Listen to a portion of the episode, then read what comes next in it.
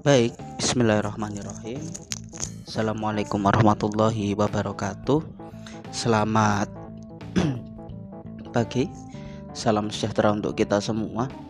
Uh, kenapa saya pada pertemuan kali ini memberikan podcast? Karena menurut saya teman-teman harus uh, mendapat materi ini cukup intens artinya tidak bisa hanya melalui penjelasan saya yang sekali teman-teman perlu misalnya membaca maupun mendengarkan materi ini beberapa kali agar bisa memahami terkait dengan komunikasi nonverbal. Karena sesungguhnya komunikasi nonverbal itu cukup banyak proses pembahasannya ketika kita mempelajari uh, ilmu komunikasi selama empat tahun ke depan teman-teman ketika kurang lebih kalau bisa di bawah empat tahun lah jadi selama itu selama 7 sampai 8 semester ke depan teman-teman akan banyak sekali bertemu dengan konsep-konsep komunikasi nonverbal itu secara umum jadi memang yang namanya mata kuliah pengantar memang tidak bisa jauh-jauh dari dasar-dasar pembahasan terkait dengan komunikasi. Baik, eh, langsung saja.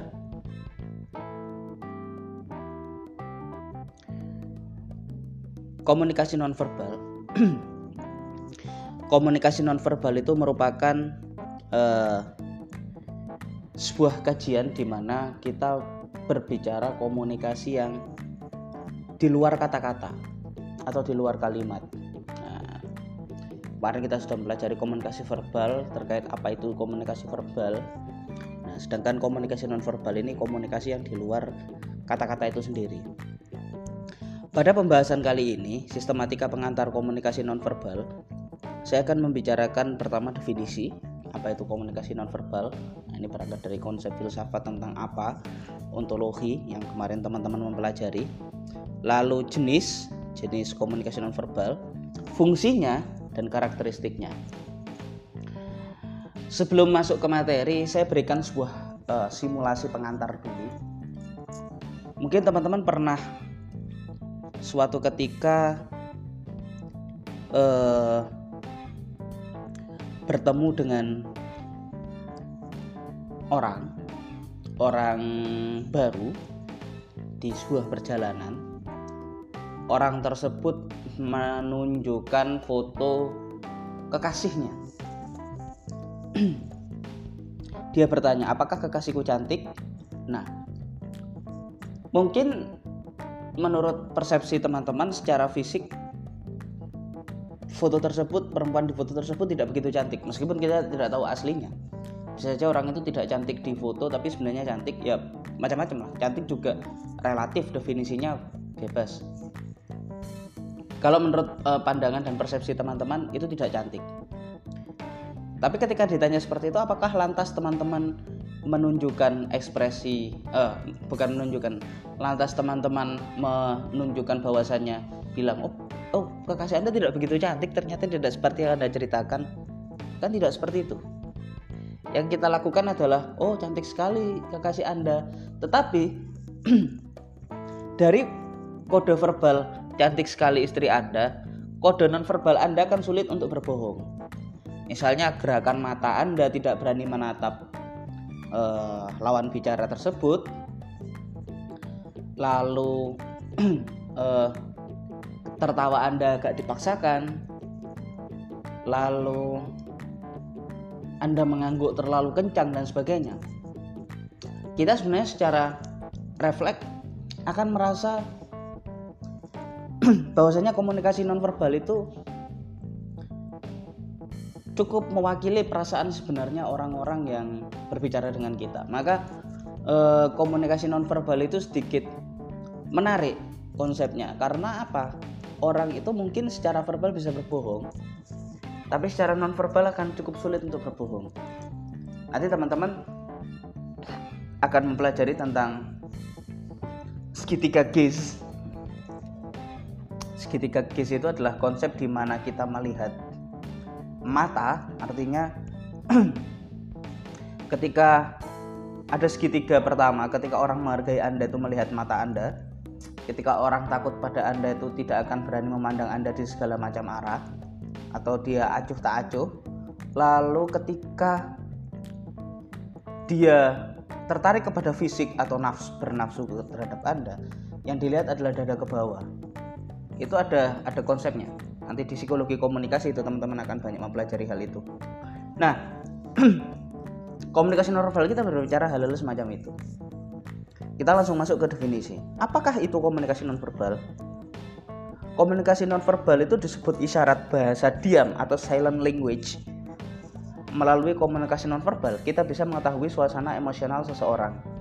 Apakah ia sedang bahagia, marah, bingung, ataupun sedih. Nah, ini yang uh, tidak bisa kita, saya bilang komunikasi nonverbal susah untuk dibohongi. Karena sebilang enggak apa-apa enggak apa-apa pun hubungan antara anda dengan pasangan anda misalnya ya kemarin kan saya berbicara soal silogisme. Cewek-cewek yang membingungkan ketika ditanya kamu kenapa? Jawabannya nggak apa-apa. Lah ini kan secara tata bahasa nggak benar. Kenapa itu kan jawabannya karena misalnya kamu kenapa kok diam? Ya karena kamu resek. Ya kan harusnya kan jawabannya kan kayak gitu. Ya karena kamu nggak bisa kayak gitu. Tapi kenapa? Uh, bukan hanya cewek sih tapi kenapa rata-rata orang itu ketika ditanya kamu kenapa kok diam? Nggak apa-apa. Nah itu kan secara tata bahasa nggak bener. Kalau pasangan saya saya selalu saya marahi dengan dengan mekanisme seperti itu. Kamu itu kalau ditanya itu yang bener. Ditanya kenapa jawabannya harusnya karena bukan bukan bukan nggak apa-apa itu bukan jawaban nggak apa-apa itu bukan jawaban dari kenapa nah seperti itu itulah uh, teman-teman yang kemarin belajar silogisme. Nah, komunikasi nonverbal itu kan kita bisa melihat misalnya kamu kenapa kok diam? Nggak apa-apa. Nah, ketika nggak apa-apanya itu nggak apa-apa yang kelihatan wah ini ada apa-apa ini. Misalnya dari raut muka atau dari tatapannya atau dari cara dia menghindar, dia tidak mau dekat-dekat dengan kita dan sebagainya.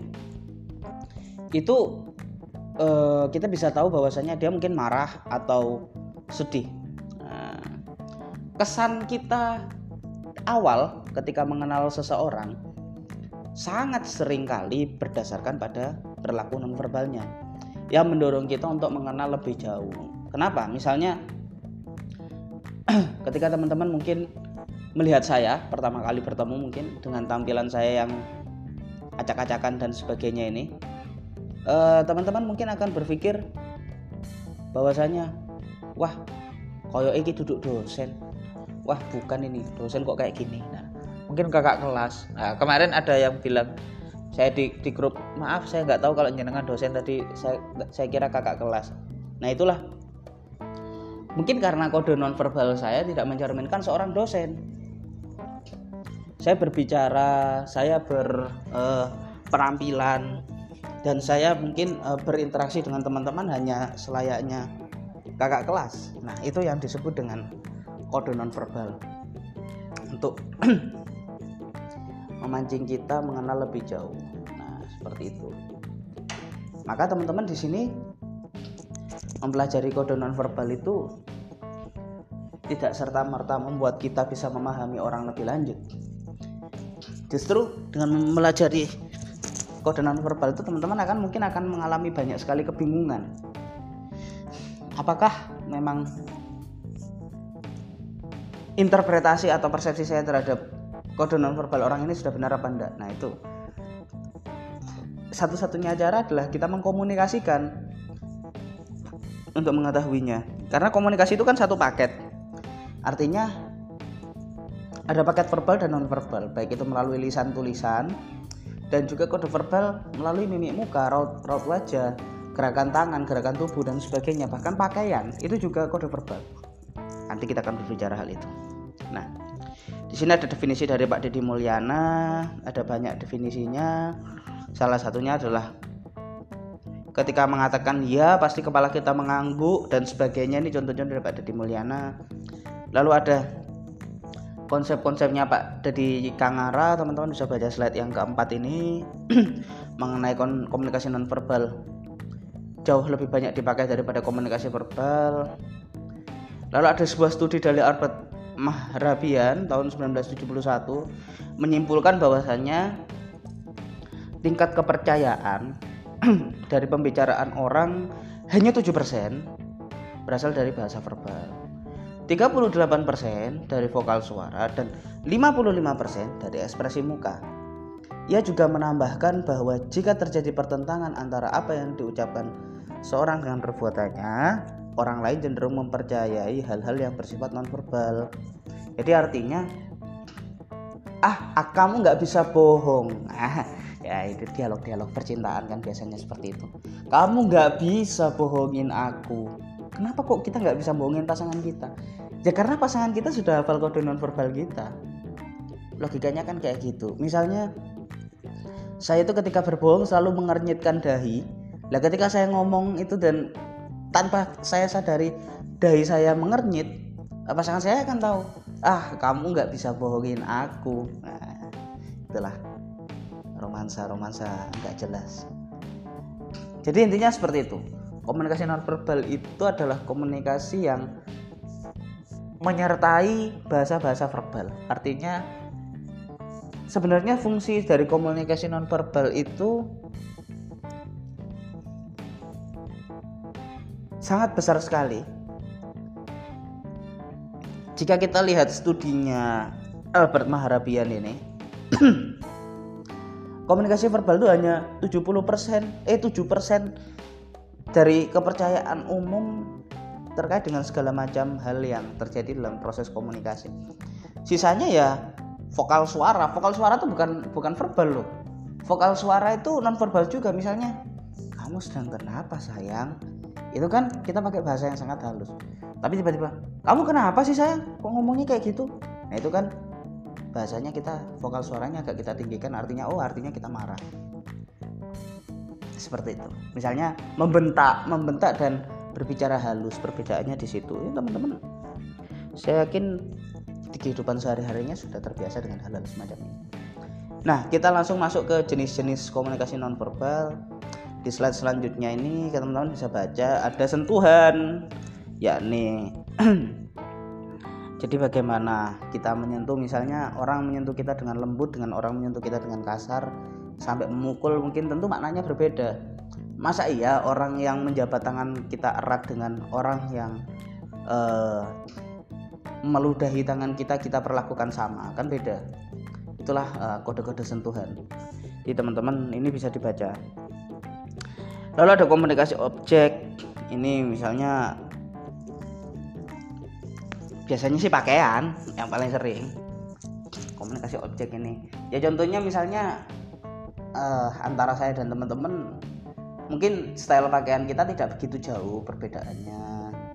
Dan segitulah pokoknya intinya. Jadi ya, makanya jarang ada orang yang menganggap saya dosen mungkin dari dari dari cara penampilan saya. Dan saya tidak ada masalah dengan hal-hal semacam itu. Tuh itu mungkin salah satu konsepnya. Kami sering tidak dianggap karena hal-hal itu kalau teman-teman tahu.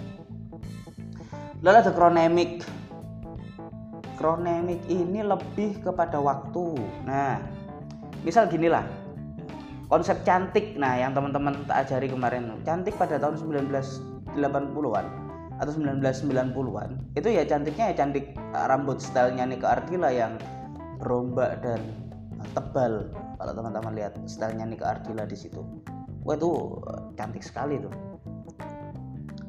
Masih cantik sampai sekarang. Nah pada tahun 2000-an style cantiknya cantik rambut Luna Maya yang lurus rebonding atau uh, rambutnya Tamara Blazinski dan sebagainya. Nah sekarang style cantik cantiknya Chelsea Islan atau Anya Geraldine. Jadi macam-macam style cantik itu. Jadi menurut waktu uh, makna cantik itu berbeda-beda. Menurut waktu. Itulah yang disebut dengan kronemik atau waktu. Ada proksemik bahasa ruang. Nah, ini misalnya. Teman-teman yang cewek-cewek nih, misalnya lebih suka ditembak di mana di sebuah tempat yang damai tenang duduk berdua menikmati senja ditemani mungkin uh, musik-musik lirik sambil ngobrol ngobrolin masa depan yang nggak jelas masa depan kita mau jadi apa terus tiba-tiba uh, si pasangan kita nembak atau lebih suka teman pasangan kita uh, gebetan kita nembak ketika kita sambil nonton konser atau nonton sepak bola. Nah hal-hal semacam itu itu menurut proxemic sangat tergantung pada pribadi seorang misalnya kalau orang yang tipikalnya rame diajak ke makan malam candlelight dinner kayaknya agak agak agak gimana? Agak mem, agak memuakan juga. Ya mending ayo kita lah nongkrong di Malioboro misalnya sambil ngapain.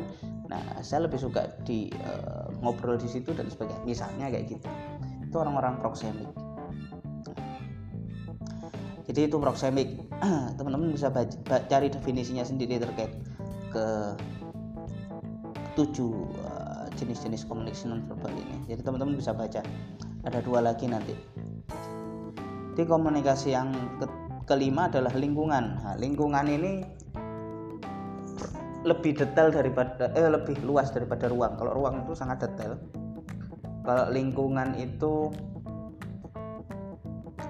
lebih ke uh, ekosistem. Artinya karena misalnya saya dari keluarga santri saya lebih nyaman ketika tinggal di perkampungan yang tiap menjelang sholat ada kiroah uh, lalu ada anak kecil rame-rame ke musola lalu ada pengajian tiap habis subuh dan juga habis maghrib. Kemudian setiap malam Jumat ada semaan Al-Quran dan sebagainya. Itu mungkin saya lebih tenang. Atau misalnya dalam diri saya saya tidak tenang dengan lingkungan itu karena saya adalah orang yang liberal. Saya orang yang bebas. Saya mending ah keluarlah. Mending aku menikmati suasana di luar daripada di lingkunganku. Itu maknanya berbeda. Lingkungan itu lebih luas lagi daripada proxemic kalau proxemic itu hanya ruang. Itu yang kelima. Lalu jenis komunikasi verbal yang keenam ini vokalik. Nah vokalik inilah tadi yang saya kasih contoh teman-teman. Ada suara mbak-mbak mas-mas naik turunnya suara uh, nada keras dan nada rendah ini vokalik kecepatan berbicara kualitas suara intonasi dan lain-lain. Ini vokalik jadi seperti teman-teman melihat mungkin di beberapa podcast saya nada dan intonasi saya berbeda itu kan sebenarnya tergantung situasi saya sebenarnya. Misalnya saya sedang situasi capek sekali uh, mungkin intonasi saya cepat-cepat dan ayo yang penting cepat kelar lah materi tersampaikan.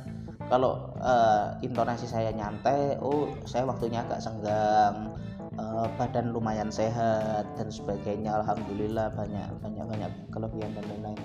Itu ketika uh, vokaliknya bagus. Nah yang terakhir adalah kinestetik. Nah ini teman-teman kalau mempelajari komunikasi nonverbal itu ada ilmu tentang kinestetik itu sendiri terkait dengan gerakan tubuh yang menggambarkan suatu kata atau frasa. Yang pertama ini emblem. Emblem itu uh, gerakan tubuh yang secara langsung terjemahkan dalam pesan verbal tertentu. Biasanya untuk menggantikan sesuatu. Misalnya mengangguk sebagai tanda setuju, telunjuk di depan mulut sebagai tanda jangan berisik. Ini ini yang umum. Mengangguk tapi di India tuh artinya tidak. Dan menggeleng di India artinya iya. Nah ini yang kemarin teman-teman harus mempelajari konteks budaya juga. Ilustrasi atau sebagai penguat narasi. Nah gerakan tubuh yang menyertai pesan verbal untuk menggambarkan pesan sekaligus melengkapi dan memperkuat pesan. Memang eh, pesan nonverbal itu biasanya sangat memperkuat memperkuat pesan verbal. Contohnya uh, memberi tanda dengan tangan ketika mengatakan seorang gemuk atau kurus. Misalnya gemuk dengan O, kurus dengan angka satu misalnya, itu kan simbol-simbol ilustrasi. Affect display ya ini gerakan tubuh khususnya wajah yang memperhatikan perasaan emosi yang seperti kita lihat tadi. Uh, misalnya raut raut muka sedih kita nggak bisa bohong, raut muka ketawa, raut muka bahagia, raut muka datar itu kan sangat kelihatan sekali di affect display ini. Regulator ini gerakan nonverbal digunakan untuk mengatur memantau memelihara mengendalikan pembicaraan dengan orang lain. Ini misalnya ketika kita mendengar orang berbicara kita menganggukkan kepala mengkerutkan bibir dan fokus mata. Misalnya uh, orang ini berbicara terlalu banyak sih saya saya beri saya kesempatan dong tapi kita nggak punya kesempatan untuk memotong memotong pembicaraan. Nah yang bisa kita lakukan adalah misalnya uh, dahi sambil menatap matanya mungkin oh ya gimana gimana? Ada yang tidak dienakkan dengan dengan cara bahasa saya misalnya? Nah itu kita akan sangat peka. Intinya belajar komunikasi non verbal belajar peka. Nah cowok-cowok nih yang disuruh ceweknya peka banyak-banyak belajar komunikasi non verbal nah cowok-cowok juga gitu. Jangan jangan jangan membingungkan si cowok-cowok ketika cowok-cowok sudah belajar komunikasi non verbal intinya komunikasi itu kan saling pengertian. Hubungan suami uh, pasangan uh, kekasih itu maupun suami istri kalau nggak ada saling pengertian ya nggak bisa jalan. Itulah komunikasi nonverbal. Dengan begitu cerita menariknya. Lalu ada adaptor ini yang terakhir gerakan tubuh yang digunakan untuk memuaskan kebutuhan fisik mengendalikan emosi. Nah, misalnya menggigit bibir mainkan pensil garuk-garuk kepala saat cemas dan bingung. Ini ini seperti ketika kita di dalam kondisi yang untuk memperkuat suasana dan sebagainya. Menunggu dengan mengetuk-ngetukkan kaki itu kan teman-teman ketika nanti dalam suatu situasi. Oh anak ini sedang menunggu sedang gelisah dan sebagainya. Jangan diganggu lah. Intinya kan kayak gitu. Pesan yang kita sampaikan selain gerakan tubuh ada juga gerakan mata yang saya bilang tadi gaze.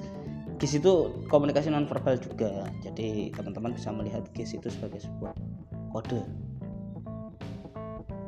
Nah fungsi komunikasi non verbal menurut Magnep tahun 1978 adalah yang pertama adalah untuk repetisi yakni mengulang kembali pesan yang disampaikan secara verbal. Artinya ya iya dengan mengangguk itu kan simbolnya oh ya oke. Okay. apalagi dengan ekspresi muka yang serius atau ekspresi muka yang menyenangkan. Nah, itu oke. Okay. tapi iya dengan mengangguk tapi dengan ekspresi muka yang uh, kelihatan terpaksa kita akan bertanya-tanya iya bener iya bener gak sih orang ini? Nah kayak gitu. Substitusi misalnya menggantikan lambang-lambang verbal. Misalnya kita lagi males ngomong eh kamu udah makan belum? Misalnya kita lagi jalan sama pasangan kita. Si cewek cuman geleng-geleng menggelengkan kepala ke kanan dan ke kiri. Kamu udah makan belum? Geleng-geleng kamu ini udah mak uh, belum makan apa nggak mau makan? Geleng-geleng lagi. Bingung lah si cowoknya. Itu kan geleng-geleng ini kan nggak mau makan dengan belum makan atau nggak mau ngomong sama kamu atau jijik sama kamu kan? Maknanya mungkin sampai seluas itu kan kayak gitu maaf agak emosi karena sedang dalam kondisi yang bingung seperti itu juga. Jadi seperti itu. Substitusi. Kontradiksi ya ini uh, menolak pesan verbal atau memberikan makna lain terhadap pesan verbal. Uh, contohnya wah bagus. Bagus itu kan harusnya kita tambahin dengan tanda jempol. Tapi bagus dengan dengan jempol ke bawah itu kan sebenarnya uh, penghinaan tapi um, merupakan kontradiksi. Ini maksudnya apa? Iya apa enggak ini? Ah ternyata enggak kayaknya. Bagusnya ini bagus penghina saya kayak gitu. Itu kontradiksi dari apa yang kita sampaikan. Iya kok iya kok tapi tapi kepalanya geleng-geleng. Nah itu juga kontradiksi. Lalu ada aksentuasi ya, menegaskan pesan verbal atau menggaris bawah misalnya saya bilang kalau uh, suatu suatu ketika kita saya membicarakan bahwasanya uh, budaya global saya akan membicarakan budaya global. Budaya global itu sebenarnya tidak lebih buruk daripada budaya kita sendiri.